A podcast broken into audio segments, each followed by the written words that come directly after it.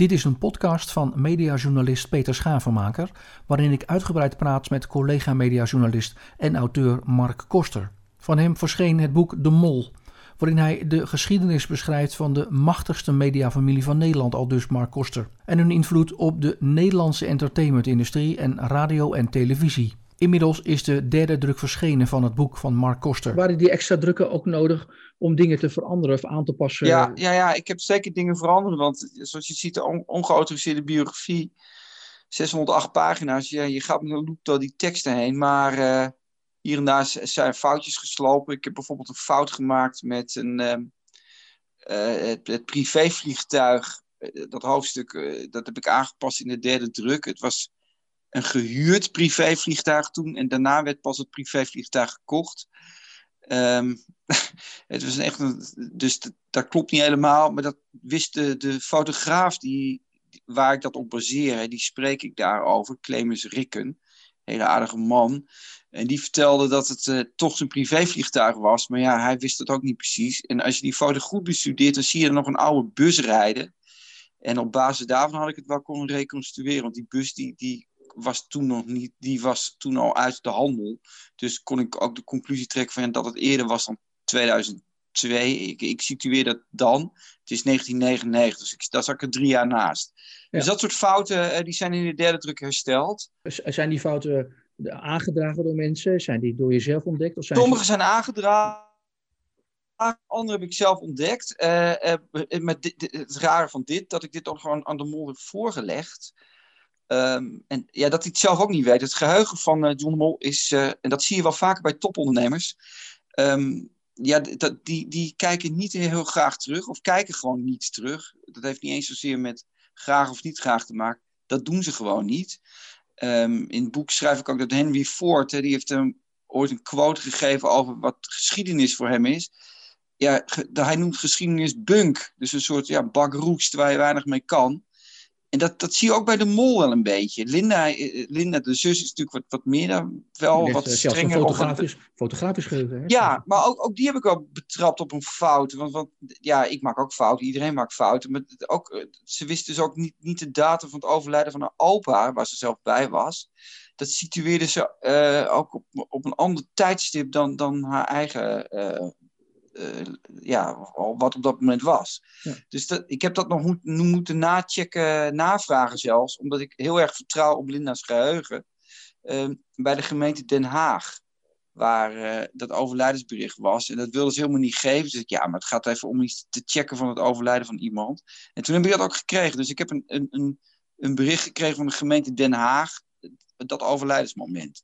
Dat was 1970. Ja. En, en de druk zeg maar, vanuit de familie om dingen te veranderen, is dat nog ja, ja, zeker wel. Maar dat gaat wel niet om dit soort. Uh, ja, ik vind dit zelf heel belangrijk. Maar uh, dat gaat natuurlijk, dat begrijp je zelf ook, over wat, dat toch wat fundamentelere dingen waar zij zelf um, in hun ogen dan minder goed uitkomen. Dan heb ik het vooral over John. Uh, dus ja, natuurlijk is die drukker geweest. Die is, die is behoorlijk groot geweest. Uh, tot, tot en met ehm, ja, toch ook wel, wel dreigingen van, van, van, van kort gedingen, et cetera. Mm. maar daar heb ik niet aan toegegeven. Uh, niet omdat ik het. Uh, maar zelfs zover om het boek tegen te houden? Of? nee, dat is eigenlijk nooit een kwestie geweest. ja, omdat. Ja, op welke grond zou je dat dan moeten doen? Op basis van een onjuistheid, ja, dat kan. maar de onjuistheden waar zij dan over vielen, of wat John de Mol over viel, daarvan was ik van overtuigd dat die toch wel vrij juist bleken. Of laat ik het wat, wat voorzichtiger zeggen, wat meer journalistiek omschrijven.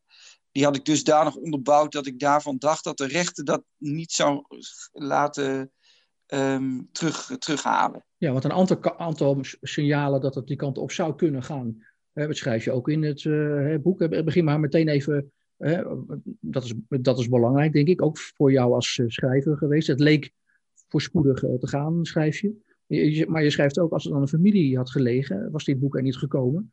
Ik zou het hele project nou, laten vallen. Hè. Het is een e-mail gestuurd vanuit uh, Thomas Notema. Maar balans. Ja. Ja, ja, ja, zeker. En uh, daar heb ik nou ook weer gedonderen over, omdat ik dat, dat dan weer niet had mogen publiceren. En maar ja, ik mag alles publiceren. Uh, daar heb ik verder geen toestemming voor nodig. Um, Dus ja, dat ging dus niet goed. Ik had op zich een heel leuk gesprek met de mol. Dat, dat, dat is in november 2018 geweest. Uh, eind november. Uh, en dat, dat was een heel, ja, vond ik zelf leuk. Hij vond het zelf, uh, ja, zijn interesse lag er niet, omdat het natuurlijk weer die historische invalshoek had. Over zijn vader en vooral zijn grootvader, hè, die die natuurlijk tot 1970 heeft gekend. Toen was hij 15. Um, dus daar, daar heb ik wel. dus dat goed, maar toen had ik een reconstructie al gemaakt voor Zakenblad Kort over de val van de Telegraaf, eigenlijk hoe hij dat niet in bezit kreeg. En hij vond dat ja, dusdanig niet, niet, niet juist aangepakt. Of daar had ik ook een citaat van hem gebruikt, die ik had opgetekend uit de mond van een woordvoerder. Ja, en dat deugde allemaal niet en dat klopt allemaal niet. En... John de Mol trok een uur voor je uit in november 2018. Ja, hij trok een uur voor me uit. Ja, hij noemde dat zelf een overhoring over, een overhoring over zoiets onbenulligs als de geschiedenis van zijn familie. Schrijf je. Ja, nou ja, hij, hij zat onderuit gezakt, het last van zijn rug. Um, uh, hij gaf mij toen dat boek van, van Jan Westerhof over 100 jaar radio. Maar dat was toen dat jaar, uh, hè, dat was natuurlijk precies die 100 jaar. En zo van ja, nou hier staat ook wel heel veel in. Um, uh, ja, nou ja, dat, vond, ik wel leuk en aardig. Dat boek heb ik natuurlijk ook gelezen. daar staan bijvoorbeeld de hele Noordzee-episode redelijk in beschreven. Maar dat, ja, dat was voor mij, dat is voor mij een instapmoment. Dat was natuurlijk niet, niet een, definitief iets. Dus, uh, nou ja, eh, dus het was geen onaardig gesprek. Het was meer een gesprek van, van een nieuwsgierig uh, iemand die wilde weten waar hij toen in 1979 was, of 1963, wat zijn ouders deden. Ja, ja daar, daar had ik vragen over. En dat wist ik soms niet, of dat interesseerde hem niet. Maar ik vond het wel leuk dat hij daar toen in ieder geval iets over vertelde. Dus we gingen ja, redelijk goed uit elkaar eigenlijk. Ja, alleen dat hele gesprek heb je niet uh, uh, gebruikt, of dat, omdat uh, aan het eind van dat stuk ook staat, dit is een gesprek off the record. Is, vind je dat jammer dat je dat helemaal niet, niet hebt kunnen gebruiken? Ja, vind ik jammer. Ik heb, het, wel, ik heb de feiten wel een beetje door het boek geweefd. Ik kan natuurlijk dan officieel nu niet zeggen waar en hoe. Maar dat waren eigenlijk tamelijk onschuldige dingen over uh, dat zijn Alpa bijvoorbeeld dat, dat, broodjes met heel veel vlees at. En die noemde hij zelf jurkjes, omdat dat vlees er dan over gedrapeerd lag. Dat heb ik van de, de mol zelf gehoord.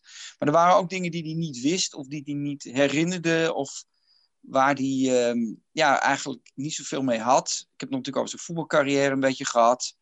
Um, nou ja, dat vond ik ook wel aardig dat hij zeiden van... Ik zeg, god, maar je was al best goed. Toen zei hij, ja, nou, zo goed was kijk ook weer niet. Dat relativeerde hij toen heel erg. En toen vertelde hij ook van... De, ja, had je dan uh, eerste divisieniveau gehaald, hè? Of Jupiler League heet dat nu? Nee, zelfs dat niet. Dus ineens kwam dat ook nog wel naar boven. Het ging echt gewoon over vroeger, heel erg. Het ging helemaal niet over uh, de, de stand die... Het ging helemaal niet over talpen van dat moment. Helemaal nee. eigenlijk geen woord. Opgenomen, dat mocht niet. Dat heb ik ook niet gedaan. Uh, het was echt een uur en na een uur werd ik gewoon uh, ja, opgehaald eigenlijk. Nou ja, je weet hoe het werkt. Voor mij ben je er ook wel eens geweest. Ik ben er geweest, zeker. Uh, um, dus je weet hoe, hoe, die sfeer dan is. Ja, mijn, mijn sfeer was perfect. Heerlijk, heel ontspannen en heel geïnteresseerd. Dus dat is tegenovergesteld. Ja, zeker. Ja, ik heb ook nog een deel van jouw boek gebruikt. Ja. Hè, over die, die Sint-Vietenstraat. Ja. Waar die woonde. En wat die dan niet zo... Hè, en, en ook zijn quotes over Hilversum. Die heb ik er wel in verwerkt uit jouw boek. Het staat ook genoemd achterin. Zeker, heb ik gezien. Uh, het boek is niet alleen een portret van uh, familie de Mol, hè, vanaf zeg maar 1912, van de, de oude taaien zoals je hem uh, benoemt. Hè. Maar, ook een, maar ook eigenlijk ja. een zelfportret van jou. Dat vond ik wel interessant om te lezen. Dat schrijf je eigenlijk een beetje aan het eind van het boek. Iemand, van iemand in verwondering, bewondering uiteindelijk in verbijstering. Um, had je dat van tevoren gedacht, dat het ook een soort ja. zelfportret zou worden? Uh, nee, want toen ik er eenmaal aan begon, toen, uh, ja, mijn ouders waren enorme jazzliefhebbers. En um, dus, dus eigenlijk ging ik helemaal door mijn platenkast heen, of althans die van mijn ouders. Uh, sommige van die platen heb ik thuis nog. dus het begon eigenlijk met een soort, ook geschiedschrijving ja, van mijn eigen familie een beetje, van, van, van die, die muziek en zo. En, dus op, op die wijze kwam ik er wel in. En er zijn ook mensen zeggen, Martin, die jazz, dat is veel te veel en dat is een beetje saai. Terwijl ik dacht, ja, maar dat zegt wel heel, heel veel over de mentaliteit die er toen eerste. Hè, in, in 1949, dat die, dat die, dat die twee, vader en zoon, eigenlijk behoorden een beetje tot die ja, rebelse, opstandige jazzwereld. Mm. even die cool, cool, cool jazz en zo, Charlie Parker en dat soort dingen, Miles Davis ja, dat was toen revolutionair. En dat, dat was wel aanschurkend tegen de opstandige culturele wereld toen. Dus ik vond dat heel interessant en heel boeiend. Ik heb, ja, daar heb je, hoor je verder eigenlijk weinig mensen over. Ik heb dat voorgelegd aan Bert Fruisje, de oude jazzchroniqueur, de grote schrijver die daar heel veel verstand van had. Nou, die haalde er nog allerlei fouten uit met, met, met dingen die ik niet goed had gezien of niet goed snapte. Ja, ik was toen natuurlijk niet geboren. Uh, maar dat vond ik interessant, dat... Uh, dat vooral die oude heel erg, ehm, eh, ja, toch, toch, toch wel van die muziek hield. En ze probeerden ook wel een beetje die, die vooruitgangsmuziek, hè, zoals dat toen werd gezien, te omarmen. Maar wat je dan al snel ziet, is dat er toch te weinig publiek voor was. Waardoor ze toch uh, in een, ja, laten we zeggen, in een wat volksere stijlen terechtkwamen. Um, nou ja, dat, dat deden ze. En ook zonder morren hoor, daar werd niet over geklaagd. De, de, de zoon wel, die, die was natuurlijk crooner. Die vond die muziek, hè, dat dan een beetje de orkestwereld daarvan. Frank Sinatra, Mel Tormé, dat soort zangers. geweldige artiesten trouwens. Ja, ook daar wilde hij wel in doorbreken. Maar ook daar was in Nederland de markt niet groot genoeg voor. En ook hij kwam dan wat terecht in die volksmuziek. Zei dat hij ja, wel, wel ook met orkesten en zo en bij die, bij die radio terecht kwam. Ja, uh, maar toch met, ook Skymasters en Afro-sessies gedaan. En, uh, Skymasters en ja, zo. Ja, Precies. Over geweldige orkesten, hè. Dat, dat, dat, vergeten we wel. Het is topniveau, hè. Ja, maar dat, dat wordt in Nederland altijd een beetje... Ja, door, door, laten we zeggen, de cultureel correcte wereld een beetje lacherig over gedaan. Maar dat, dat zijn waren topmuzikanten. En uh, dat vind ik nog steeds. En ik luister ook nog wel eens naar. Dat zit fantastisch in elkaar. Uh, en vooral ook in de wereld wordt dat als, als zeer goed gezien. Um, dus uh, ja, nee, ik, ik, dat, dat, daar zat ook wel een soort pijn bij, bij vooral de zoon dan. Uh, vader is in 1970 overleden. en, en toen kwam die rock'n'roll er ook nog overheen. Ja. ja. en, en die aansluiting heeft hij niet, niet meegemaakt of niet kunnen maken. Of hij snapte dat niet. Uh, kijk, Tony Eijk zit ook groot in het boek. Die, die, die vertelt daar heel nog over. Dat, dat die rock and roll, Tillman Brothers, en, en, die, die vielen ineens, dat kwam ineens zo binnen. Hè. Het begon een beetje met, met Cliff Richard, wat eigenlijk een, een weeg figuur is als je dat afzet tegen de Bill Haley kwam toen. Nou, toen werd het echt rock and roll. En ja, de Stones en de Beatles. En de, die aansluiting kon hij niet vinden. Dat, dat, die, die afslag, die, die mentaliteit had hij niet. Ja, die, en dat zit wel de, eh, in het boek. Maar zeg maar de, de oude de mol. Hè? Nou ja, dat zit bijvoorbeeld in, in dat, dat hoofdstuk van Le Baroque. Dat vond ja, ja, dat is wel, is wel leuk om zo meteen even over te spreken over Le Baroque. Dat is interessant. Uh, uh, een Barendse band. Maar die, zeg maar, de oermol, hè, dat is eigenlijk jouw held. Waarom is hij jouw held? Nou, om, om goed, maar dat, Peter, kijk, dat zijn natuurlijk dingen die, die mij ook als, en dat, in dat, op, dat opzicht is het wel een zeker biografisch element van, ja, ben je trouw aan, aan wat je mooi vindt of wat je goed vindt en, en wat je zelf wil vertellen? Of ben je toch trouw aan, aan een soort, ja, ja wat, wat het volk wil, of waar je van denkt dat het volk dat wil? Um, en, en, en ja, daar gaat het toch wat mij betreft wel over. En daarom ook die, dat laatste woord verbijstering. Ja, ik, ik vraag me dan toch af of, of wat ze nu maken. En kijk ook van Linda. Of dat nou helemaal is wat, wat diep in hun hart ook is wat ze, hebben, wil, wat ze nu willen maken. Uh, en uh, goed, als dat dan zo is, dan kun je ook nog afvragen. Ja, maak je nog wel dan wat het volk wil? Want ja, de, de Amazons en de Facebooks en de, ja, de Disney Prime, als je daar naar kijkt, hè, nu een geweldige jazzfilm is daar nu, hè, Soul heet dat. Dat hmm. doet het dus hartstikke goed. Dan denk je, waar, waarom?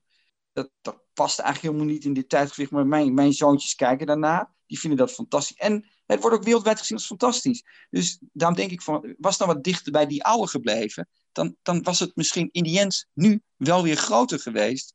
Omdat, uh, ja, ik, ik, ik denk toch niet dat je altijd moet buigen naar waar, waarvan je denkt van ja, dat wil iedereen lezen of weten. Dat scoort dan in die end niet meer, omdat het een soort aangelengde ja, Ranja is geworden. Dat is, ja, dat is een mooi, mooi, parallel met zeg maar, hè, hoe eh, John de Mol senior hè, zijn debuut maakte bij de radio. Tegen eigenlijk de nieuwe stroming in. Hè, toch eigenlijk Kroenen wilde blijven. Nou, hij was niet slecht hoor. Kijk, en, en, nee, hij was, hij, goed, hij was een hele goede zanger. Bedoel. Hij was wel een goede zanger, al, al zit in de jaren 50. Dat, dat viel mij dan wel op als je dan door al die oude telegrafen las. En die, die, die, Vrije Volk, wat trouwens een krant was, daar, ben je, daar kom je dan ook achter, wat op, op een hele goede manier over entertainment schreef. Kritisch, wel uh, liefdevol. Dus ik vond het uh, ja, vrij volk. Is van, ja, dat, die krant bestaat al lang niet meer. Ik las dat ook natuurlijk niet. Ik was veel te jong. Maar dat waren wel goede kranten. En wat je toen zag is dat ze toch ook wel kritisch waren op de senior, hè, de vader van John. Omdat ze hem toch een beetje een naaper vonden, een imitator. Uh, dat wist ik ook niet. Dus hij kon zingen, maar in die tijd werd er wel geacht dat je er ook iets aan toevoegde.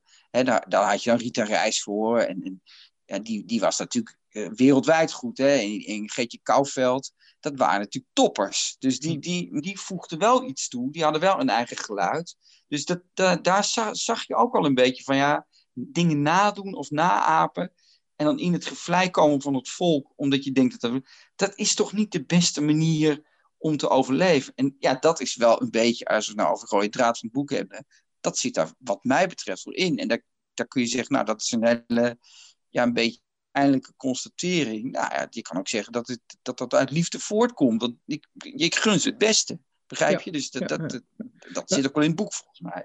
Historisch is het natuurlijk interessant, uh, die feiten rondom uh, zeg maar de, de eerste de mol, maar ook uh, rond de mol senior. De, de oerknal noem je dat, de, de commerciële oerknal van het media imperium op 6 oktober 1938 tijdens het eerste radiooptreden van de Vara Radio. Uh, dat is wel een heel belangrijk moment, dat je dat ook zo benoemt. Hè? Nou, om, omdat je daar zie je dus dat, dat, ze de stap, dat de familie de stap maakt naar het, het, het zoeken van publiek. En dat zie je in, dus op dat, dat 6 oktober 1938 moment, dat, dat ze dus bij die FARA en dat ze, ze spelen daar dus uh, Amerikaanse, ja, vrij vooruitstrevende jazz wat in die tijd als een soort rebelse herrie werd gezien. Dus dat, dat was een echt mooi moment. En er kwam ook bij dat je daar ook al de commerciële handelingen zag. Want de vader was de orkestleider. Ze gingen met de trein daar naartoe. Er was helemaal geen geld. En die vader had dat, dat optreden geregeld. Ik baseer me dat op de biografie van Eddie Christiani uit 1969. Waarin hij dus met een blufferige brief had geschreven. alsof hij al jaren overal optrad. Wat niet zo was. Um, dus daar zie je ook al de, het, handige manoeuvreren. Het, het, het, de commerciële instincten komen daar naar boven. En de neiging om het publiek te willen behagen. Dus dat vond, vond ik daar, 1938, de oerknal van het imperium. Ja, ja de blauwdruk, de blauwdruk voor later. Zoals ik dat noemde, een beetje bijbels, maar... Ja, maar de blauwdruk, de blauwdruk voor later. En, en, en, en eigenlijk is dat, ja, is dat nog steeds zo, toch? Want, want, want het is toch allemaal de mix tussen en het moet commercieel, uh, het moet profitabel zijn, je moet er wat aan verdienen. En het, het volk moet het, uh, moet het willen hebben. Dus dat is nog steeds, langs die lijnen loopt nog steeds het imperium. Um, en en ik, wat leuke aan die, aan die oude, vind ik, dat hij dat een beetje desondanks deed. Want eigenlijk wilde hij gewoon lekkere, vette, zijn eigen dingen doen. Maar hij zag dat dat niet werkte, dus is hij daartoe mee doorgegaan. Mm. En je zou kunnen zeggen dat John de Mol, natuurlijk financieel onafhankelijk, mijn stelling is eigenlijk, ja, waarom ga je daarmee door? Want ga terug naar de basis van, van opa en doe wat je echt mooi vindt om te maken. Doe iets wat, wat vet is. Doe iets wat, ja, waar wat liefde en hartstocht in zit. En ja, ja, ja. dat zit daar, nu wel. Dat, dat, ja, dat, lijkt, dat lijkt te ontbreken. Dat is wat ik vind. Is een andere parallel dat uh, de Mol senior, hè, nadat hij als crooner eigenlijk de oud werd bevonden en dat hij in, in werd gehaald door de, door de, uh, de Indo-rock en de rock and roll later en door de andere Nederlandse bands. En uh, hij zich ging um, ja, richten op Konamis om het Nederlands erfgoed, hè, Nederlandse muziek te beschermen. Is, dat ook een parallel mm-hmm. om, om, met, met de familie zoals het nu is? Hè? Zoals John de Mol nu dingen probeert te beschermen en ook ja. de, de amusement probeert te beschermen? Ja, nou, ik vond um, wat, wat die Konamas die gezien heb ik natuurlijk ook een beetje uitgelicht. Ik ben ook bij Buma Stemmer geweest in Halfdorp, al die jaarverslagen een beetje gelezen. Mhm. Wat eruit naar voren, ik, ik vind dat wel, wel goed dat je een land hebt dat je goede artiesten beschermt. Uh, en en ook wat, wat ik dus echt niet wist en wat, wat mij echt frappeerde en wat mij ook heel erg voor de, de oude mol inneemt, is natuurlijk in de jaren negentig, vlak voor zijn pensioen, dat hij dus nog die hele house-industrie heeft omarmd. En eigenlijk ook dat ADE, wat, wat hè, de Amsterdam Dance Event, wat een van de grootste dance ja, conferenties, momenten ter wereld is, hè, waar dus uh, To Unlimited en, en, en al dat soort bands zijn ontstaan, eigenlijk een hele nieuwe industrie is ontstaan. Ja. Dat die oude dat, dat ook zag. Hij haatte die muziek, maar hij dacht wel, nou, dit, dit, dit werkt. En je kunnen zeggen, dus dat ja, leven het Nederlands product, het Philips denken, daar is helemaal niks mis mee. Sterker nog, dat vind ik hartstikke knap dat hij dat heeft gedaan. Maar je zag ook daar weer dat hij dat soms met ja, enige tegenzin deed, omdat hij er niets mee had met die muziek. En dat je dan... te conservatief, denk ik, voor zijn eigen tijd.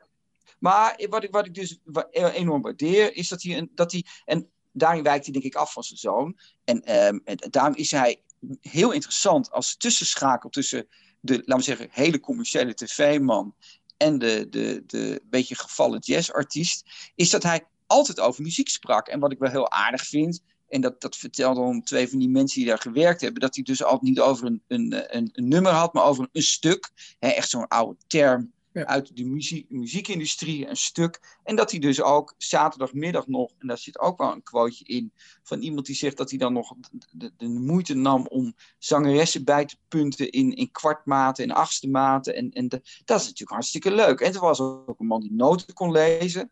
Dus ja, ik daarvan het, het ambacht van de muziek, daar hield hij van. En dat, dat, dat moeten we enorme waardering voor uitspreken dat hij dat heeft gedaan.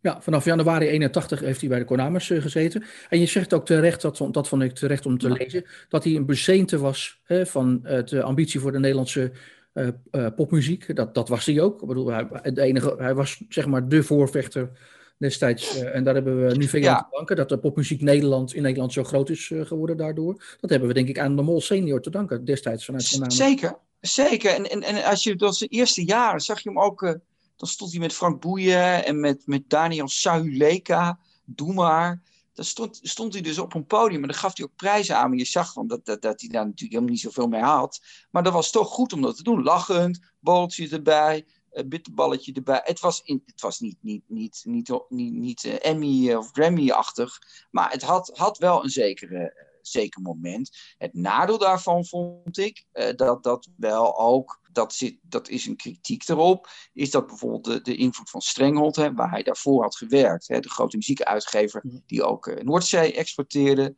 dat die invloed wel altijd geweest is. En daarmee kom ik dan weer op, de, ja, op toch weer de liefde voor muziek is dat nou, heeft dat nou de allerbeste artiesten? Um, ja, zijn, niet, zijn er soms ook B-artiesten geholpen, terwijl die dacht, ja, dat is niet zo best. En die quote dat hij zegt, ja, vader Abraham, uh, die maakt geweldige teksten als je dat afzet tegen, tegen Amerikaanse countryzangers. Ja, Peter, dat is natuurlijk flauwekul. Uh, vader Abraham van vinden, maar dat is natuurlijk geen Johnny Cash. En daar sloeg hij soms, wat mij betreft, een beetje in door dat hij soms iets te, dat hij dat onderscheid niet maakt. Maar dat deed hij dan, en dat proeven we een beetje in het boek, toch gewoon uit voorvechten voor, voor het Nederlands product. Ik ga voor alles staan en ik verdedig alles. Terwijl je denkt, ja, daartussen kun je toch ook alweer onderscheid maken. Ja, ja. op een gegeven moment Margriet, gaat... Uh... Margriet Eshuis zingt beter dan... Uh... dan vader Abraham. Nou ja, Margriet Eshuis zingt goed. Maar, ja. Maar, maar, ja, die had je misschien nog iets meer kunnen steunen. In plaats van iemand die uit de stal kwam van Stengel, een zangeres. Ja. Waarvan je denkt, nou, laat, laat me zitten. Dus daar, dat, dat, dat, ja, inhoud, ik ben best wel uh, muziekliefhebber en muzieksnop of muzieknerd. En ik denk van, dat, daar had hij misschien nog wel iets meer tijd in kunnen steken. Ja. Aan de andere kant, dat pleit weer enorm voor hem. Heeft hij wel die jongens uit Groningen aangetrokken. Hè, die Peter uh, Smit, dat was natuurlijk, en die werkte natuurlijk voor de, voor de, voor de, de alternatieve wereld. Hè. En Betty Serveert kwamen langs. Uh, dus wat meer Anouk, de, wat meer de wat Rocky-stijl. Nou, dat heeft hij echt goed gedaan.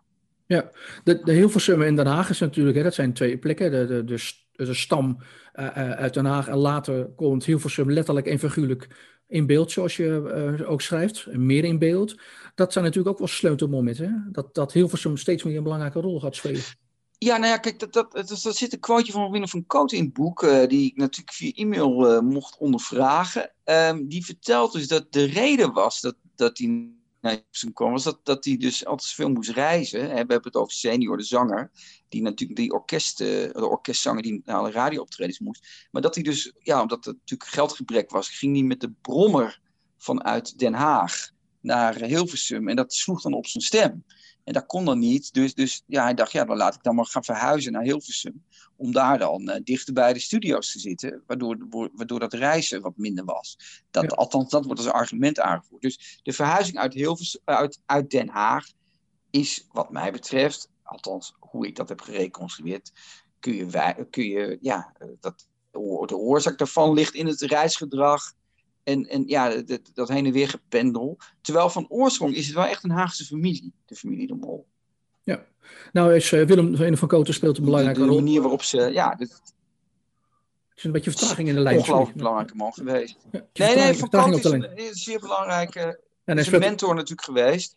Ja, nou niet alleen een mentor, maar ook en, een, en reddingsboei, eigenlijk, toch? Precies, precies. Ja, wat ik niet wist, ik wist natuurlijk, dat, dat weet jij ook, dat weet bijna iedereen, dat dat Van Koten toch de redder was van hem met, met, met geld. Maar daar zit nog wel dat, dat, dat e, de episode met Jan van Veen voor. Dat wist ik niet. Vond ik heel leuk dat hij me dat vertelde. Dat hij, dat hij dus met, met de mol ja, toch enigszins in paniek door uh, het gooi reed bij, langs banken om nog wat geld los te peuteren. Ja, maar je hebt Willem uh, alleen maar per e-mail gesproken. Had je hem niet graag persoonlijk willen spreken. Want daar, daar ja, maar dat wilde hij niet. Dat wilde hij niet, oké. Ja. Dat wilde hij niet. En uh, met wat ik had, uh, hij heeft er trouwens heel veel over gezegd. Hè. Het verhaal van Van Koten en de Mol is, is door Van Koten vaak verteld.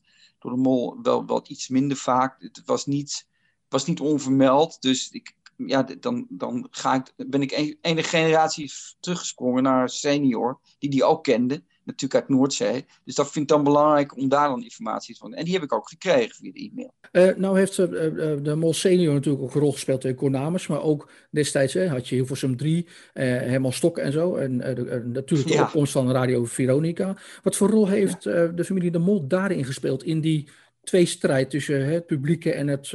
Het, het, commerciële van, van Veronica en natuurlijk Noordzee. Wat voor rol, hoe zou je, die, hoe zou je dat beschrijven? Nou, de, de mol um, is, heeft de oude mol, dus opa de mol, oermol, heeft eigenlijk bij Veronica nog gewerkt. Um, die had, heeft daar een programmaatje gehad. Um, en ik heb dat niet terug kunnen vinden, het geluid, maar dat, hij werd omschreven als iemand met een krokstem. Dus iemand die dus uh, ja, veel dronken en een beetje zo sprak. en dat waren dan uh, muzikale uurtjes eh, eh, waar, waar die gesponsord werden. En er werd Jan Jazz gedraaid. Dus daar, dat heeft hij gedaan. En het mooie daarin is dat je daar dan eigenlijk het hele imperium alweer ziet. Dus er moest wel geld zijn om programma's te maken. Uh, dat deed hij. Hij maakte ook muziek voor, voor die kwartiertjes, hè, voor die gesponsorde huurde hij orkestjes in om het aan elkaar te, te maken. de, de Dutch Swing Collins maakte hij muziek mee. Dus hij zat bij Veronica.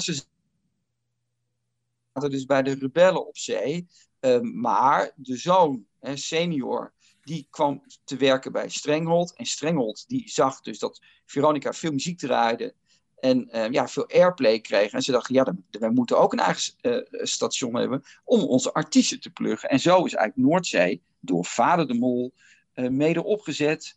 Uh, naast het schip van Veronica. Er is, dat staat ook in het boek een quote, letterlijk een quote, dat Guus Jansen, de baas bij Strengel, zegt, ja jeetje jongens, wat moeten we nou doen? Want we hebben daar dat Veronica en dat draait dan maar muziek. En kun, ja, kunnen wij daar ook tussen komen? Dat de mol zegt, nou, dan leg je er toch een schip naast. En uh, dat, dat vind ik dus ja, wel een mooie, brutale opmerking. En dat is ook gewoon zo gebeurd. Ja, het staat een beetje in haak dus, op, op de manier waarop... Uh, de familie de Mol. Ja, ja ga je gang. Nou, daarmee zou je kunnen zeggen dat, dat zij dus eh, toch wel ook een oerknal hebben verzorgd voor de commerciële radio. Ja, maar het is eigenlijk een tegenspraak tot de manier waarop senior was. Hè? Uh, je beschrijft hem ook als diplomaat hè, tussen artiesten en uitgevers, pagina 78. Maar later in het boek, pagina nee, 93, beschrijf je dat Jansen, hè, Guus Jansen van en ook een strategie heeft om Veronica te bestrijden. Terwijl hij dat ook later met uh, de Mol Senior uh, doet. Dat, dus dat staat een beetje haaks tegenover elkaar. Nou, je zou kunnen zeggen dat hij, dat die, dat hij dus in die commerciële wereld werd gezogen, langzamerhand. Zoals zijn vader dus daaraan rook. Maar dat eigenlijk met een gezonde soort van gezonde tegenzin deed. En met een opgetrokken wenkbrauw dacht, wat zijn we hier aan het doen? Hè? Hij, een latere deel van zijn leven zat hij ook lekker muziek te luisteren in, in, in de Haagse uh, artiestenclub. Dus hij, hij bleef zich toch wel meer artiest en, en zanger dan, dan uh, commercieel. Uh, al deed hij dat dan wel. Maar die vader die werd daar echt in meegezogen. Ook door, die, door, die, door, die, um, door Strenghold, vooral door Guus Jansen. Dus hij, hij, ja, met gezonde tegenzin bijna. En dat, dat blijkt ook wel als je het boek verder leest. Dat hij bij Noordzee eigenlijk ook een soort paladijn werd van dat hele denken. Ja. Ook eigenlijk met gezonde tegenzin. Want dat beschrijft Ferry de Groot heel goed. Hè? Die was toen technicus bij Noordzee. Dat hij eigenlijk dat helemaal niet wilde of kon. En dat hij geen organisatietalent had. Dat hij wel een mooi pak aan had. Maar dat hij eigenlijk te aardig en te zacht was. Om die verschrikkelijke uh, ja, commerciële, zakelijke wereld te runnen. Um, en ja, dat zit er ook weer een andere quote. Dat hij wel ondernemer was, maar wel met een ondernemer met een dak van een baas boven zijn hoofd. Dus in dat opzicht kun je dat wel verklaren. Dat hij dus wat meeschalf in dat hele denken. Uh, daar eigenlijk nooit van zei, ik vind het verschrikkelijk. Um, en dat eigenlijk stilzwijgend deed. Hij heeft aan het eind van zijn leven, ja, uh, heeft hij eigenlijk in, in, die laatste brief, hij heeft nog een soort afscheidsbrief geschreven, mm. heeft hij dat eigenlijk gewoon ook bekend. Dat hij ja, zijn leven heeft geleid toch ja, in, in naam van een ander, in plaats van dat hij zijn eigen, zijn eigen waardigheid heeft uh, proberen overeind te houden. En dat, dat vind ik zelf een, een, een, gewoon ook alweer, uh, zegt dat iets over de Mol senior, dat het een man was die ja, zich heeft opgeofferd voor de commercie. En dat, dat is fantastisch. Heeft hij zelf weinig aan overgehouden. Um, en hij heeft het Nederlands product gedaan, heeft hij ook fantastisch gedaan. Maar dat dat misschien toch altijd een beetje in zijn hoofd is blijven wringen. En um, ja, daarom vind ik hem, hem de, de, de oermol is dan mijn held, maar ik vind hem een beetje een tragisch figuur geworden, de oude mol. Eh, vooral het einde van zijn leven, als hij erop terugkijkt. Dus ja. je, je vraag vind ik heel goed. Eh, als je zegt 78, uh, is hij nog een, echt uh, ja, een beetje de, de, de, de man die van de verheffing is. In, op pagina 93 ja, heeft hij eigenlijk opgegeven en is die, ja, toch loopt hij aan de leiband van, van, de, van, van, van Strenghold. Ja, en dan zie je toch dat hij aan het eind van zijn leven denkt, ja, waarom heb ik dit eigenlijk gedaan? Maar weet je wat is, Peter? Heel veel mensen hebben dat. Als je aan heel veel mensen vraagt, ja, wat is nou het spijt wat je hebt gehad? Dat mensen zeggen, ja, ik had het toch anders willen doen. En toch mijn eigen identiteit nastreven. Ja, ondanks al die tegendruk, hè, want die, die druk is er ook constant geweest op, uh, op de familie. Uh, ook tijdens Noordzee, hè, de Rebellencup uit Amsterdam, de Nico Steenbergers en de Peter Hollands en de Hans uh, Hogendorens tegenover hè, de saaie, tussen haakjes, Ferry Maat, de boekhouder, zeg maar. Die, ja. ja, toch? Ja, zo, zo beschrijf je het ook. Nou ja, dat, dat is natuurlijk een beetje, het, dat is zo als, um, als Ferry de Grote hem neerzet. Hè. en um, uh, ja, nee, dat, dat, is, dat is prima. Uh, dus, dus ja, dat, dat is allemaal hartstikke goed. Um, maar ja, hij behoorde wel tot de Hilversumse tak, ja. Ja, en die, en die tegendruk hè, die uit, vanuit Amsterdam kwam, onlangs dat hebben ze toch, heeft hij toch doorgezet om ook met dat Nederlandse product aan de gang te gaan. En ook met Noordzee verder te gaan en te zorgen dat dat een succes eh, werd. Ondanks dat Veronica natuurlijk de, de leidende uh, zeezender was. Dus dat, dat is wel interessant om dat ook te lezen in jouw boek. Ja, ja ik denk dat, dat Noordzee commerciëler in elkaar zat. Maar dat zie je ook weer als we dan toch al een beetje de rode draad hebben van het boek. Hè. Dat is toch steeds commercie versus ja, authenticiteit. En, en, en of je je eigen mooie dingen nastreeft. Dat die Veronica-jongens, die mieten dus al die, al die plugpraten, mieten ze de prullenbak in.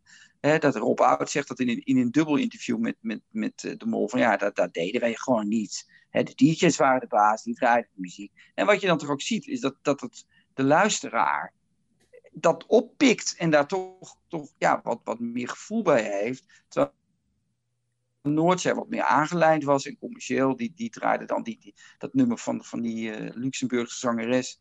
Die daarna op basis daarvan, althans dat suggereert de mol zelf, toch dat Songfestival wint. Um, dus dat, ja, dat was in 1975 geloof ik. Hè? Dus, dat, dat, dus daar zag je wat meer hoe, hoe, hoe, hoe, hoe dat um, ja, in elkaar stak. Ja, maar uiteindelijk heeft natuurlijk de commercialiteit wel de overhand gekregen wat betreft uh, later ook met Talpa en met uh, The Voice en uh, zoveel mogelijk commercieel. Niks dat mis mee. Nee, nee. Helemaal niks mis nee. mee. En, uh, en Big Brother ehm, ehm, vind ik een grote prestatie dan The Voice trouwens. Um, ja, nou ja, daar kwamen allerlei krachten samen, hè, ook maatschappelijk. Hè, vooral de digitalisering van de wereld, het internet. Um, ook, ja, dat, dat, dat, kreeg een enorme waarde. Hè. Content werd toen heel belangrijk. En vooral content wat je kon uitventen over de digitale snelweg. Ja, telecombedrijven wilden dat allemaal hebben. En daarom werd dat, werd dat zo waardevol. Dus dat, dat heeft de mol goed gezien. Als je nou, hè, dat zegt Linda ook, hij is natuurlijk super commercieel. Uh, al het commercieel talent is naar hem gegaan. En dat heeft hij natuurlijk uh, fantastisch uit, uitgenut. Het rare is dat, dat bijvoorbeeld zo'n Big Brother wordt nou weer uitgezonden bij uh, RTL 5.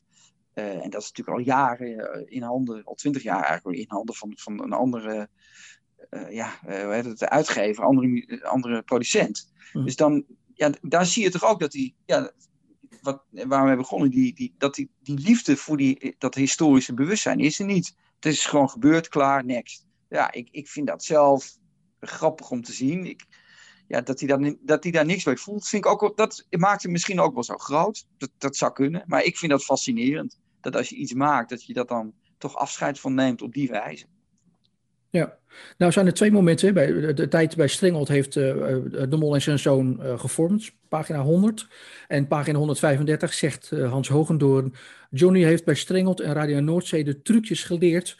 hoe je een mediabedrijf runt. Zijn dat zeg maar de twee misschien eikmomenten in de geschiedenis die uh, de volgende stappen in het media-imperium, hadden het net over die oerkanaal in oktober 1938, maar dat dit zeg maar een nieuwe uh, eikpunt is in de manier waarop het uh, nou, nu gaat, zeg maar, en waarom, waarop John de Mol zijn bedrijf runt en hoe, hoe, dat zeg maar ontstaan is? Ja. Nou ja, dat, ja ik denk het wel. Eh, je, je, zou kunnen zeggen dat toen hij als 19-jarige, eh, dus in die, in die nachtelijke uitzending bij de afscheid van, van Noordzee in 1974, 31 augustus 1974, ja, daar hoor je voor het eerst ook een stem van John de Mol, die dan ook al zijn, zijn, zijn oudere uh, technici al vertelt wat ze moeten doen. En daar hoor je hem ook al zeggen dat, ja, dan hoor je hem ook eigenlijk al aanwijzingen geven hoe het allemaal wat, wat commerciëler kan en hoe, hoe je niet te moeilijk moet maken voor mensen die naar de radio luisteren. Het moet wel hapklare brokken zijn. Dus hij, hij leest die Peter Damaaf ook daar al de les. Dus daar zie je al, ja, dat gebeurt nu nog steeds. Uh, je zou zelfs kunnen zeggen, dat heb ik al een keer eerder gezegd, dat, dat bijvoorbeeld de, de, de manier waarop Dik voor de Dik voor elkaar show bij Noordzee weg, eh, dat moest, daar stoppen vanwege eh, toch ja, kritiek op de leiding. André van Duin, de liefste man op aarde, die dan daar zelfs ja, te rebels wordt gezien, samen met Ferry de Groot. Dat zie je dus nu ook bij dat VI, dat, dat die daar eigenlijk, dat is ook heel moeilijk dat hij daarmee omgaat, want hij kan dat helemaal niet goed.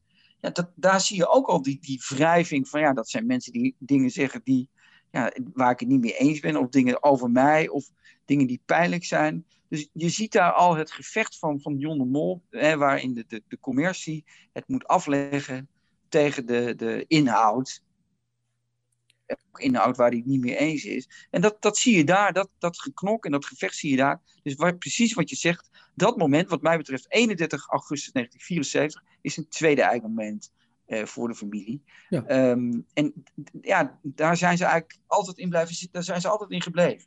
Ja, pagina 130 gaat het over het einde van Noordzee van uh, Radio Veronica. Op pagina 118 over, hè, over het, het, zeg maar, het uh, wegsturen van Van Duin en van de Groot op 21, 21 oktober 73.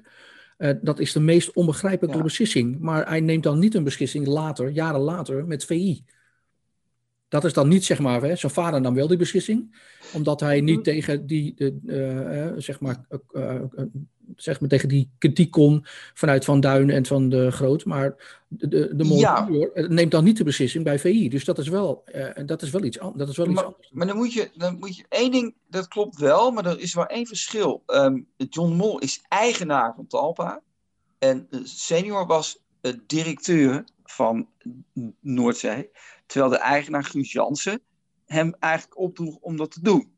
Want in die bewuste uitzending werden hij, zowel hij senior als Jans, als Tony Berg belachelijk gemaakt. en, en dus ik durf de stelling wel aan, maar dat kunnen we helaas niet meer verifiëren, dat, dat als John de Mol senior de baas directeur het niet was gestopt.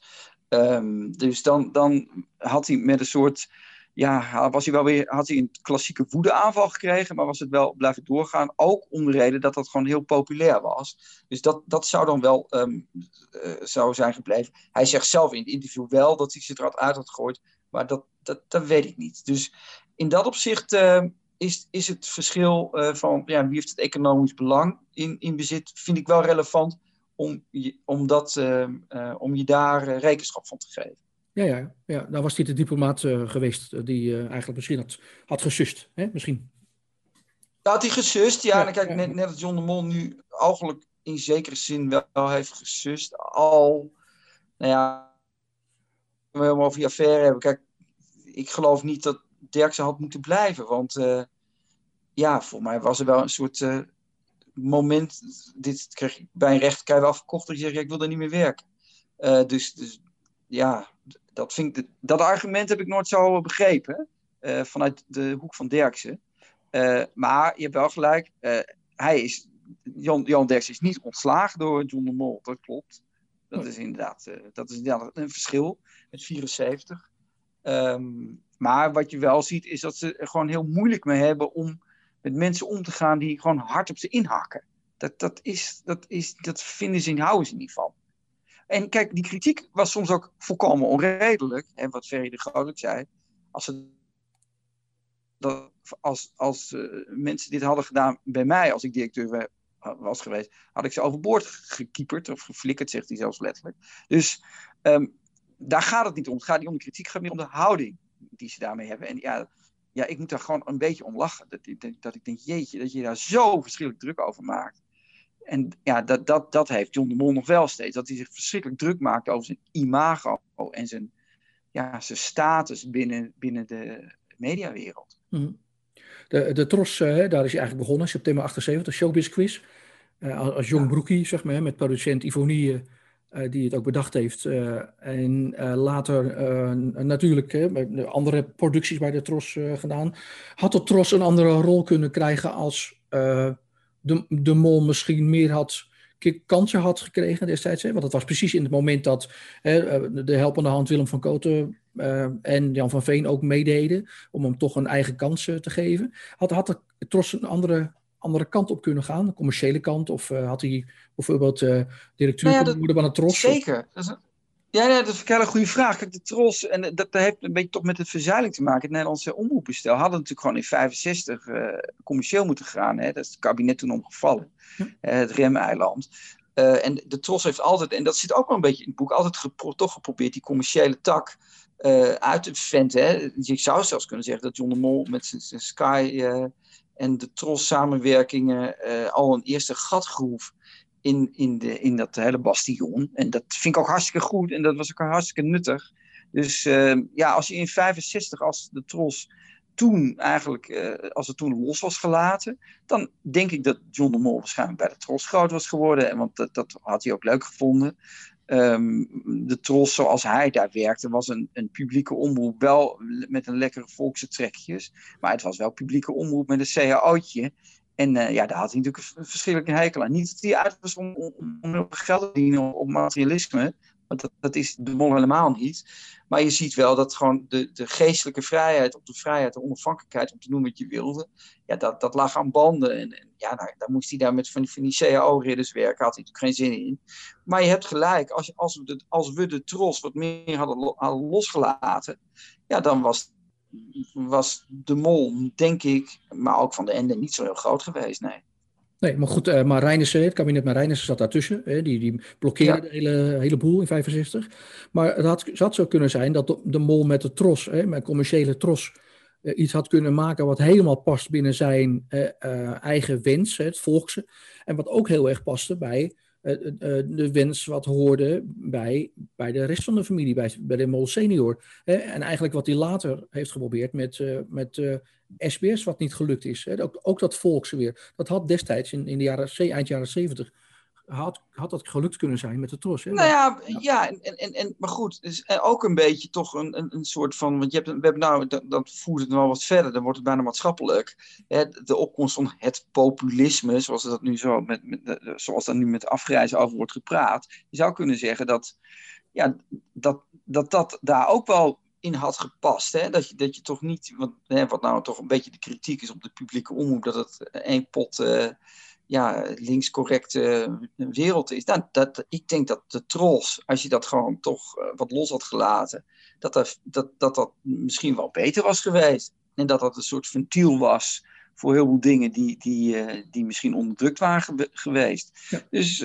ja, in dat opzicht denk ik dat 65 al een fout is gemaakt om dat toen te onderdrukken. Maar ja, dat is lang onder druk gebleven. Dat is toch pas in, in eind jaren 80 is het, is het losgelaten. Dus ook nog in die hele jaren 80 hè, is het ook al door onder druk gebleven. Vooral door de, toen het CDA. Maar de VVD eh, kon, kon dat, niet genoeg power en de PvdA ook niet om dat door te zetten. De PvdA heeft altijd toch een beetje hekel gehad aan dat volkse. Terwijl, maar goed, dit is weer zo'n politieke opmerking. Ik denk dat de Partij van de Arbeid zich misschien wel meer aan de tros op moeten vastplakken dan aan de VARA. Want uh, ja, daar zit toch voor mij hun potentie. Hm. En in dat opzicht, uh, dat staat allemaal niet in het boek, maar het is een goede vraag van je. Ja, dat, dat had, had zeker, uh, zeker um, een ander gezicht van Nederland gegeven. Dat weet ik zeker. Dat is ook weer die tegendruk, hè? want hij, hij tart natuurlijk ook wel de mediawet. Hè? Je zei net al Sky en, en commerciële en popformule en andere zaken. En daarvoor, lang voordat het 2 oktober 89 was, hè, de start van de commerciële televisie. Ze hebben altijd wel uh, Zeker. Een, een, tegendruk ook gegeven. Ze hebben tegendruk, tegendruk gekregen, maar ze hebben ook tegendruk gegeven om toch te zorgen dat wat zij wilden, Zeker. om het toch voor elkaar te krijgen. Hè? Dat, maar goed, maar dat, dat, dat, dat, dat waardeer ik ook voor mij. Als je het goed vind ik daar uh, vind ik dat heel goed, want ik hou van ondernemers. En ik denk ook dat het heel goed is dat ondernemers hè, creatieve destructie ieder geval um, dit soort bastions, die eigenlijk, wat eigenlijk nog steeds niet gekraakt is. Want als je naar op één kijkt, is dat eigenlijk nog steeds de verzuiling in deze tijd. Hè, van welk omroepje heeft zijn eigen clubje. Terwijl, uh, ja, ik vind het wel goed dat, dat de mol daar, uh, dat de familie daar uh, tegendruk heeft gegeven. Want dat, is ook wel nodig. Hè, wat je ook van, van, van, hun producten vindt. Ik vind het goed dat er een, een soort ehm, andere, ja, een soort liberaal tegengeluid is. Ook misschien wel een beetje conservatief liberaal tegengeluid. En sommigen noemen dat een vertrossing. Aan, aan de andere kant kun je zeggen, ja, eh, wie ben jij om daar iets van te vinden? Uh, dus ik vind de, de economische krachten die de familie de Mol heeft opgewekt, daar heb ik wel grote bewondering voor. En ik heb ook al, al voor, voor de ondernemer, ja, de Mol heb natuurlijk grenzeloze respect en bewondering. Dat, is natuurlijk, uh, dat staat buiten kijf. Uh, ja, goed. Het boek gaat natuurlijk over meer dan alleen hem, maar nee, dat, daar, daar, heb je helemaal gelijk in. De, de, de, het vechten tegen de, de publieke krachten, tegen het publieke conservatisme, dat is hartstikke goed. Dat is heel goed gedaan. Ja, en vind je dan dat uit jouw boek uh, heel duidelijk wordt over de manier waarop de mol is tegengewerkt hè, bij Sport 7, pagina 286, Sport Even, een citaat van Joep van het Hek. Maar, mooi maar citaat, dat, toch? Ja, mooi citaat, zeker. Ja, maar dat het al, eindigt, al snel eindigt in een historisch tv uh, catastrofe, pagina 287. Een, een stuitend uh, een veldtocht die uh, ja, niet meer dan 100 dagen duurde. Ehm, overmoed, gebrek aan realisme, ja. nou, komt... nou, politieke ja, miscalculatie. De, komt dan nou, uit, uit, je boek dat ook zeg maar degene die dat hebben veroorzaakt? Hè? Want je kunt dan, hè, je, je, zegt, ik ben heel, heel erg voor de manier waarop de mol allerlei dingen doet hè, voor ondernemers. Maar vind je dat uit jouw boek ook heel goed uitkomt dat mensen, de mensen die dat hebben veroorzaakt, hè, die, die gezorgd hebben dat dat maar een, een korte veldtocht werd, dat dat ook duidelijk beschreven is?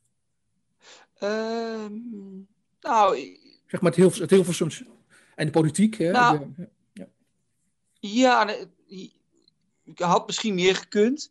Um, dat is ook toch wel een beetje de, de opzet van het boek. Hè? Dat, dat, dat toch, ik wil het ook wel een beetje leesbaar houden en niet te veel uh, omroeppolitiek. Want nee, nee, Dat, dat, is hartstikke saai en uh, dat is bijna niet te doen. Dat is echt vreselijk. Uh, geen hond die dat interessant vindt. Dus ik, ik heb het ook wel een beetje geprobeerd levendig te houden. Um, dus dat, dat, dat is één. Dat zou een verklaring kunnen zijn waarom, dat misschien, waarom de beschuldigende vinger niet eruit gaat. Maar volgens mij staat in dat hoofdstuk toch ook wel duidelijk bijna uh, beschreven vanuit de politieke krachten, de publieke krachten, hoe leuk ze het vonden om John de Mol dwars te zitten. Dat, dat, dat kun je toch niet ontkennen. De, nee, zeker. Er wordt bijna, er wordt, uh, Wim Kok wordt er nog aangehaald en uh, allemaal een beetje gniffelend wordt daar verteld hoe ze hem toch te grazen namen. Um, ik laat dat toch liever wat meer aan de lezer over, dan dat ik nou zeg, nou kijk die proeven dat eens gedaan hebben. Kees Jansma, ja, die zegt dingen over ja, uh, hoe heet het? Uh, onze vriend van de Postcode Loterij zegt daar dingen over. Die zegt ook dat de inschatting. Kijk, als je weet dat dat zo is, dan, ja, dan kun je er, als een, kun je erin invliegen. Maar misschien met de diplomatieke gaaf van vader de Mol was het misschien wel verder gekomen. Dus um, als je weet dat dat zo is, ja, dan moet je niet uh, steeds blijven zeggen dat dat afschuwelijk is. Dan moet je het of oplossen of een andere manier vinden. Ja, en daar kwam bij dat, dat hij ook helemaal de technologische vernieuwing die er toen was, hè, met, met die kabels, daar, had hij helemaal niet over nagedacht. Dus eh, er was politieke tegendruk, maar er was ook, laten we zeggen, van binnenuit was het niet goed geregeld. Hè. De, veel te weinig goede sport. Um, die, ja, die, die, Jensen, die man, die, die, dus eigenlijk die opstand van de kabelmensen. Uh, het vragen voor geld voor een product wat eigenlijk al goed was. Dat is, uh, dus er was wel iets meer aan de hand dan alleen maar politieke tegen. Die was er, dat is ook door helemaal niemand ontkend. Sterker nog, dat werd eigenlijk gezegd, nou, we hebben, aha, we hebben het de grazen genomen. Uh, maar er was meer. En dat, dus ik vind die... Het was een en-en verhaal. Ja, en, en, en, sociale, en, sociale druk was natuurlijk en sociale druk was er natuurlijk ook, hè? dat dat eigenlijk niet kon en dat het eigenlijk niet meer niet paste in Nederland. Uh, ja, sociale druk was er. Ja, dat, dat zeiden dan de, de, de mensen die bij de publieke omroep zaten met het uh, einde van bord op schoot, et cetera.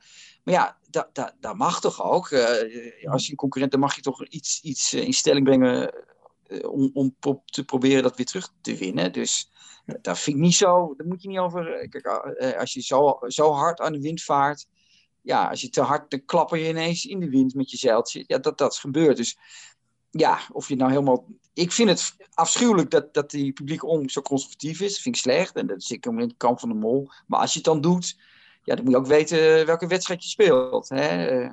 Feyenoord verliest gisteren met Ja, die hadden goede tactiek. Maar ja, daar kun je achteraf van brullen. Maar het is toch gewoon 1-0. Dus dat vind ik altijd een beetje achteraf gehuil. Dus ja, de Mol heeft dat dan, eh, zelfs toen, toen in 2017, hè, toen hij meer met SBS door, daar nog een keer begon hij daarover. Toen dacht ik al van, ja man, zo lang geleden, dan, dan, moet, je dan, dan moet je je beter wapenen.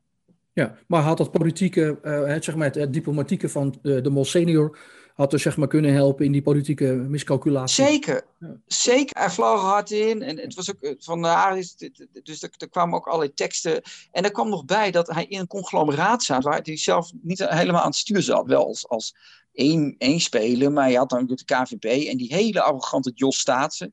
Ja. die zat daar dus in en die zei, we gaan iets nieuws beginnen. En uh, andere bestuurder die zei, ah ja, het kost maar een zak patat. Dus dat, dat, dat hele neerbuigende, bevoogdende, ja, dat moet je bij de Nederlanders niet doen, joh. Alles, alles drie cent, dat, dat willen ze niet hebben. Dus dat ging helemaal mis. Hm. En uh, dus, dus dat nog een reden waarom het niet ging. Het was een, een, een ja, een, een wat diffuse club uh, die, die, die probeerden dan tegen de, ja, de NOS te vechten. Ja, dat hebben ze gewoon verloren. Ja, jammer. Nou, is dat zeg maar dit, dit, dit onderdeel, hè, Sport 7 en ook later natuurlijk de poging om wat zenders op te, op te zetten. Is dat ook een, een, een verklaring dat jij met verwondering en verbijstering uh, nou ja, en, en, verwondering kijkt? Uh, hoe, hoe, dat allemaal gegaan is en hoe zeg maar, dat er ongelooflijke nou, steken zijn gevallen? Ja, ja, zeker. Kijk, het is uh, verwondering, bewondering, dat, dat zit ook in die laatste zin. En ook wel verbijstering. Ja, en ja, dat, dat, dat, dat laatste, dat overheerst nu toch. Omdat ik denk van ja, ik, waarom moet je dat nou toch steeds... Het is toch steeds de jongen die, die, die, die geliefd wil zijn. Bij mensen waarvan ik denk, ja, dat moet je helemaal niet geliefd willen zijn. Je moet daar gewoon wegwezen. Je moet je eigen wereld opbouwen. Hè? Net zoals Zuckerberg dat heeft gedaan. Dus de, de YouTubes. waarom wil je steeds die, die, dat in, in, dat, in dat polderlandje dit zo voor elkaar krijgen? Heeft hem heel veel energie gekost en kost hem nog steeds heel veel energie. Dus dat heb ik nooit begrepen. Waarom die nooit um, bijvoorbeeld naar, naar de States is verhuisd. Hè, zoals Reinhard Oelemans dat wel heeft gedaan. Waarom die niet, niet een, een frisse, vrolijke start uh, heeft gedaan. omdat hij al het geld Maar is blijven hangen in dat, in dat Hollandse polderlandje en hier in, het heeft geprobeerd te maken. Dat, ja. daar had ik hem natuurlijk graag langdurig over willen ondervragen. Um, dat is in ieder geval gekomen. Dus dat, dat, dat, dat is wel jammer, ja. Ja, het boek gaat inderdaad niet alleen over John de Mol, maar gaat ook over Johnny de Mol en over Linda de Mol, met wie je drie uur hebt gezeten. Die heeft jou drie uur gegund. Um, wat, wat voor parallel is er tussen de, tussen de drie? Hoe zou je dat het best willen omschrijven?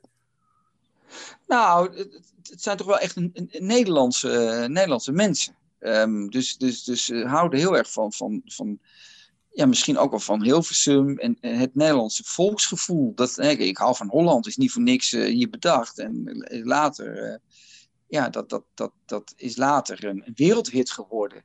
Dus het zijn uh, Nederlanders um, die daar ook uh, ja, voor, voor, uh, voor uitkomen, dat is één. Het tweede is dat ze een verschillend winnaarsinstinct hebben. Linda misschien nog wel meer dan John, want dat, dat, dat blijkt ook, hè, dat ze dan toch heel graag wil winnen. Dus dat is, dat is het. En, en toch ook een enorme eerzucht om dat voor elkaar te krijgen. Dat, dat maakt ze wel sterk. Al vind ik dat Johnny daar toch niet helemaal in past. Dat vind ik een, toch een andere figuur. Die zegt ook in het boek dat hij toch meer een Alberti is, of althans daar meer mee heeft. Ja. Uh, en het is ook wel echt een derde generatie figuur die, die ja, het niet meer zo hoeft op te bouwen. Dus hem vind ik, vind ik uh, past daar niet helemaal in. En of hij nou ook zo'n groot winnaarsinstinct heeft als zijn, zijn, zijn tante en zijn vader, dat durf ik ook te betwijfelen. Maar je zegt ze zijn Nederlands. Ja, ze zijn Nederlands. Hè? Zijn ze dan iets te Nederlands? Hè? Uh, In deze tijd wel. Je kan natuurlijk wel. Um, um, ik zou. Kijk, eh, wat, wat natuurlijk in het voordeel heeft gesprek van, gesproken van de Mol en ook van de Ende, is dat ze, omdat ze het zo moeilijk hebben gehad, uh, heel goed hebben leren vechten. En er is nog iets wat, wat ze enorm een voordeel voor is geweest. Dat zullen ze zelf niet zo hard uitspreken. Uh, dat zegt die, uh, die, die so socioloog uh, Hofstede, die, die inmiddels overleden, die, die mediaprofessor. Die zegt dat er in de jaren tachtig de, de verzelde omroepen vooral een eigen identiteit wilden bewerkstelligen door ja, identiteitsvriendelijke programma's te maken. Maar dat er ook entertainment gemaakt moest worden. Dat werd bij, bij de wet afgekondigd. En in, dat ze in dat gat uh, John en Joop zijn gedoken. Dus dat ze heel veel kansen hebben gekregen om programma's te ontwikkelen. En dusdanig hebben ontwikkeld dat ze daar ook internationaal mee konden uitpakken. Vooral dan in Duitsland. Dus um, de, de, de, de, het, het, de, de, het voordeel van Nederland is, eh, of een nadeel van Nederland is ook een voordeel geweest. Dat ze dus enorm veel kans hebben gekregen. En dat Nederland eigenlijk toch ook een soort kweekvijver is geweest voor de tv-industrie, voor de wereld. Tot aan, laten we zeggen, 2000. Daarna uh, is de wereld open gegaan. En wat je nu ziet, is dat de grote tv-productiebedrijven niet meer per se in Nederland zitten. Uh, dat die wereldwijd actief zijn. Uh, Turkije zit een hele grote club die, die, allemaal dingen opkopen.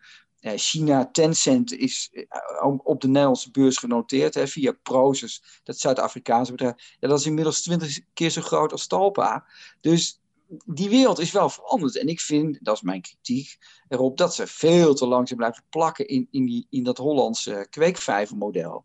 Ja, dat is wat mij betreft voorbij. En uh, ja, nog steeds proberen in Nederland iets te, op, bij SBS op de buis te krijgen en dat dan wereldwijd weg zetten. Ik geloof er helemaal niks van dat dat nog uh, relevant is. Ik geloof dat gewoon niet. 153 mensen heb je geïnterviewd voor je boek. Ja. En uh, ik, ik miste het uh, van de Tonnekreek over Big Brother. ja, die zou je kunnen missen. Die hebben wat dingen gezegd. maar Humi van de Tonnekreek vond ik in zoverre niet zo'n hele goede bron. Overigens is ze geïnterviewd in een ander boek. Um, daar kon ik allemaal dingen uithalen. Um, de dingen die ik van haar gelezen heb, dat waren toch een soort uitleggen waarom ze het had gedaan. Over de mol heb ik, ja, ja, die heb ik daar niet echt over gehoord. En de mensen die, die haar gesproken hebben, ja, die zeggen dat ze toch vooral een, een soort eh, schoonveegs scenariootje had. Dus nee, ik, die heb ik daar niet voor gesproken. Dat klopt. Ik vond, uh, ik vond uh, de psycholoog uh, Marijke Schonewille nooit geïnterviewd interessanter. Iemand die vanaf van, die bij, bij het alle begin betrokken was, eigenlijk nog voor Van de Tonnekreek, die ook beslissingen heeft genomen over wie wel of niet in het huis was. Dus eigenlijk het voor, voortraject vond ik interessanter. En ook het natraject vond ik interessanter met uh, Sabine Wendel. Ja. Um, ja, hoe dat dan toch gegaan is. En Van de Tonnekreek ja, was onderdeel daarvan. Um, ja, heb ik niet gesproken. Nee. Nee. Die heb ik wel geciteerd hoor, hier en daar, maar niet. Uh, nee. Ja, Big Brother. Nee, vond, vond, nee. had ik, Big Brother belangrijk. Uh, ja, zeker. Ja, ja Big, uh, de Big Bang Big Brother, hè, uh, pagina 308, 4 september 97. Het verhaal begint dan zeg maar zo'n mooi uitgebreid stuk. En de vergelijking met Mickey Mouse is natuurlijk ook erg leuk. misschien wat vergezocht, maar het is wel, wel een interessante vergelijking. Met Disney, ja. Ja, ja. is dat niet een beetje te Ja, vind ik wel. Kijk, ik, ik, ik, ik, vind Big Brother vind ik een, vind, vind ik het, het ja, dat is toch een beetje het, uh, het, punt van het imperium, vind ik dat. Omdat alles daar samenkwam. Ja. Uh, alle poppetjes stonden goed. De mondiaal eh, stond ook alles helemaal lekker. Het was eigenlijk ook een, het viel ook een beetje samen met de Europese eenwording die daar economisch naar zijn hoogtepunt ging. Hè? Al die telecombedrijven die met elkaar aan het concurreren waren. Um, ja, daar, daar, dat heeft John de Mol fantastisch uitonderhandeld. Dus dat, daar zie je de, de klasse van de, van de ondernemer, de, de klasse van de dealmaker. Dat, daar, dat heb ik natuurlijk met bewondering naar gekeken. En wat ik ook heel slim vond, dat hij zo'n zo Ben Verwaaien, hè, wat eigenlijk de diplomaat was uh, van zijn bedrijf toen, die, die, die al die, die fiches bij elkaar legde en daar uh, echt een meestelijke deal van, uh, van brouwde. Dus is heel knap gedaan. Ja, vind je het heel vind je knap dat, gedaan? Vind, en, en vind je dat knapper wat je dan daar de dus wel ziet, ja, vind ik knapper dan de Voice, omdat de Voice vind ik een vind ik meer een elementprogramma, waar ze die, die draaiende stoel. Um, maar ja, dat zit ook in het boek, in een heel klein zinnetje, dat, dat Linda de Mol in, in, in, in haar jaren in Amerika, of haar jaar, een paar maanden in Amerika, dus bijvoorbeeld al een programma heeft gezien, dat heette The Gong Show. Um, ja, voor mijn tijd hoor. Uh, waarin dus een jury iemand weg kan gongen die niet uh, genoeg talent heeft. Dus talentenshows zijn er al, waarin in soorten en maten, overal had je die. Um, ook, ook op uh, zangtalentshows waren er al. Dus dat was allemaal niet nieuw. Het enige was dat het nu alleen maar om de inhoud ging, de voice. Um, en, de mensen het niet zagen. Dus ja, ik vind de voice knap, fantastisch. Uh, decor technisch goed. Geweldig gemonteerd. Helemaal goed in elkaar gezet. Jury goed.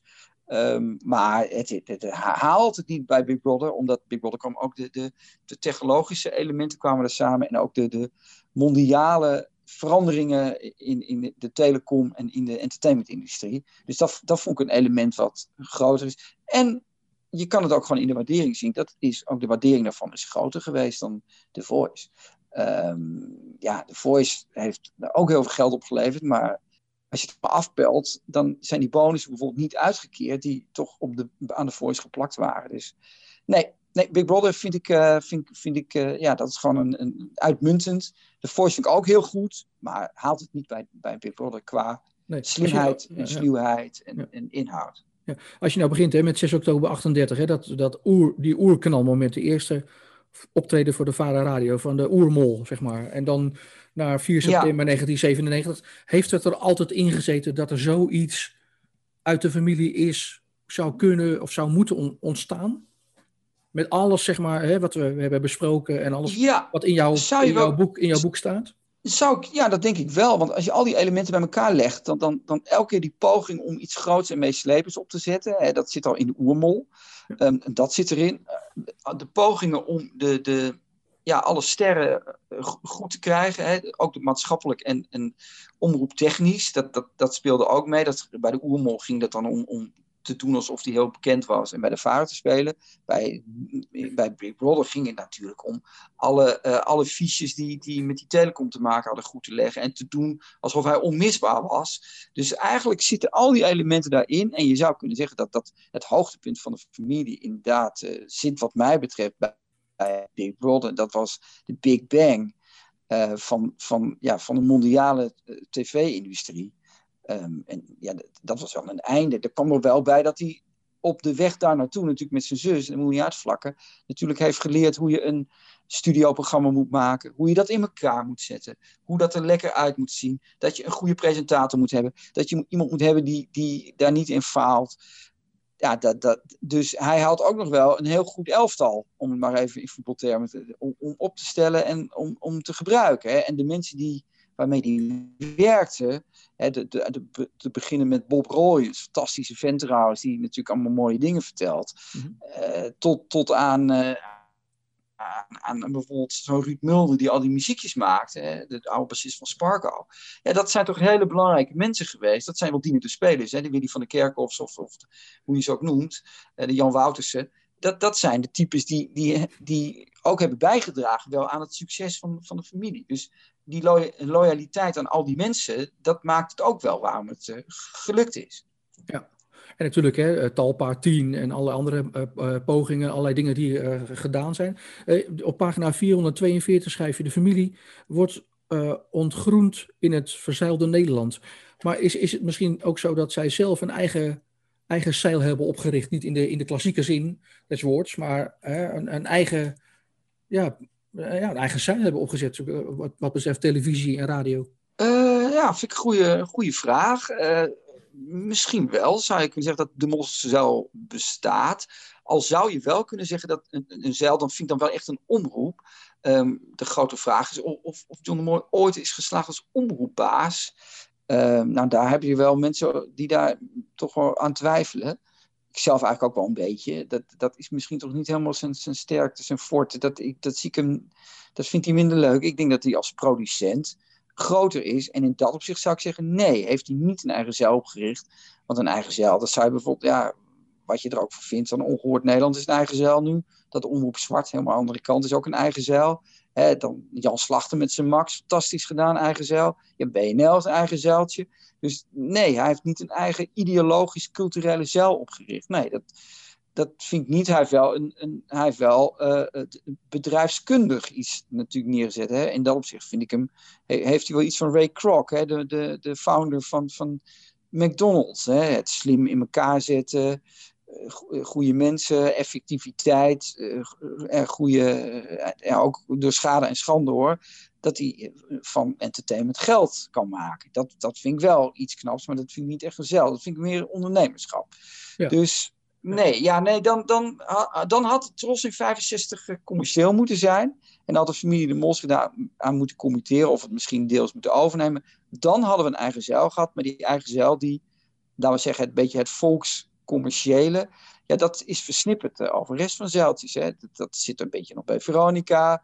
Poont heeft het een beetje dat had natuurlijk bij hun kunnen zitten. En, je ziet hem ook wel pogingen doen. En nu ook weer met, met, met het Hart van Nederland. Toch lekker volks. Eh, niet, geen studiogasten. Maar dat is dan toch weer. Dat, dat voel je niet echt. Dus dat is toch meer vanuit de tekentafel bedacht. Dan dat dat nou echt, zoals Jan Slachter dat heeft gedaan. Of zoals Bert Huijs het bij WNL heeft gedaan. Gewoon een gevoel van. Dit is een nieuw, nieuw ideologisch, cultureel zeiltje. Nee, dat, dat, nee, dus eigenlijk niet. Geen nieuwe zeil. Um, ze hebben wel heel veel uh, ja, uh, cultuur, uh, volkse cultuur ontwikkeld. Maar dat, dat hebben ze al, ze waren natuurlijk een beetje neutraal. Dat konden ze overal wegzetten. Ja. Is je verwondering en bewondering en verbijstering groter geworden? Of is die nou ja, nu, nu ik zo met jou praat, hè, want wat je nu ziet is dat je, je hebt die korte interviewtjes en een beetje over die relletjes, maar als je, dit, dit vind ik eigenlijk veel leuker, want dit gaat natuurlijk ook een beetje over beschouwend. Um, ja, denk ik nog steeds, jezus, John, uh, man, spreek nou, uh, ik had nog zo graag over hierover met je willen spreken. En dan, dan was het misschien uh, niet anders geworden, maar wel beter, omdat ik dan ook in je hoofd had kunnen kijken. Um, waar het niet, dat, dat is toch een beetje het begin van het gesprek, dat hij niet zo'n reflectief figuur is. Waarmee ik niet was. Dus het is geen, ja, het is geen, geen intellectuele man. Dat maakt hem niet uit. Het is een hele intelligente, hoogintelligente vent. Maar het is geen beschouwer. En dat, uh, ja, dat is voor zo'n boek wel, vind ik, als je zo'n boek schrijft, wel nodig. Dus uh, ja, dat, dat, dat is dan jammer dat hij dat niet heeft. Maar misschien komt dat nog.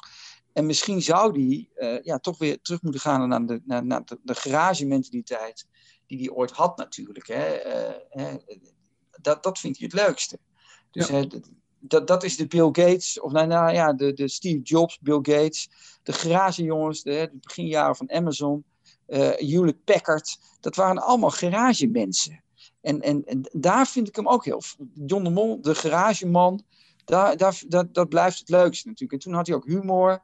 En toen zat hij ook, toen nog helemaal wat klein was, ging hij een beetje, was hij een beetje pesterig nog. Hè? Die geweldige anekdote van Wenting, dat zijn auto hem wegrijden. En dat hij, dat hij dan in die tijd uh, werd gebeld, vlak voor zijn vakantie, dat er nog een grote deal aankwam. Dat, hè, dat, dat, dat Nasserstein en de Mol dat dan uh, hem voor de gek hielden. Dat is garage mentaliteit. Dat is, dat is de rebellenclub. Uh, en ja, daar moet hij naar terug. En dan hoeft hij ook niet dat zure gedoe met, met dat bedrijf en al die HR-managers en al die spreadsheets. En die, die Peter de Munnik, dat soort types die nu daar weg is, of, of Ruud de Lange, dat soort figuren. Allemaal, ik noem dat maar meelopers, die uit zijn ruif mee eten, maar voor de rest eigenlijk creatief natuurlijk niet zo heel veel toevoegen. Dat zijn gewoon uh, ja, middenmanagers. Daar moet hij enorm snel afscheid van nemen. En ja, daarmee omringt hij zich wel een beetje. Dat moet hij niet meer doen. Dank voor het mooie gesprek, eh, Mark. Ja, ik vond het heel vet. Leuk. Ja, nou ja, jij bent altijd lekker. Dat vind ik wel goed in jou. Altijd heel um, objectief, rustig. Uh, je, je bent niet, je zal niet zo snel je mening. Uh, jij hebt wel een mening, en die, maar die is altijd heel mooi afgewogen. Dus dat is netjes. ik ben zelf denk ik wat meer, toch wel, ik durf wel eerder dat, dat ik, ja, die rode draad tussen, tussen authenticiteit en commercie ja, dat, zit, ja, daar, dat zit ook wel een beetje in mezelf. Dus dat is die laatste zin. En daarom is het, dit boek heb, is het mijn boek op deze wijze. Ja, dat had het misschien helemaal anders gedaan. Prima. Uh, en, en, en daar heb je verschillende biografieën. Dus dat vind ik ook goed. Dus, uh, nee, maar ik, ja, het, het, blijft altijd moeilijk. Je, weet je, je maakt ook fouten. Uh, dingen die niet kloppen of dingen die je verkeerd interpreteert. Dat kan. Hè. Wij, wij praten daar nu gewoon uh, openhartig over. Dus dan denk je, ja, misschien ben ik daar ook te hard in mijn oordeel. Dat, allemaal waar. Hè, wat je zegt over dat, dat sport even. Had ik niet meer toch die, die krachten moeten beschrijven. Ja, nou ja, ik, ja, misschien. Maar ik heb, ik heb ze volgens mij wel beschreven. En ik heb het ook nog wel een beetje cynisch beschreven. Dat zij daar echt dat ze het wel leuk vonden om de mol pootje te lichten. En ik denk, als je dat dan als lezer leest, dat je denkt van nou, best, best vals en gemeen. Zo'n Jan de Jong die dan dat leuk vond. Of Jansma die dat dan grappig vinden. Ja, ja is, ook, is ook gewoon sport. Die, die, die sportjournalistiek is vaak ook een beetje topsportmentaliteit. Dus daar houden ze ook wel van. Ja, kan gebeuren.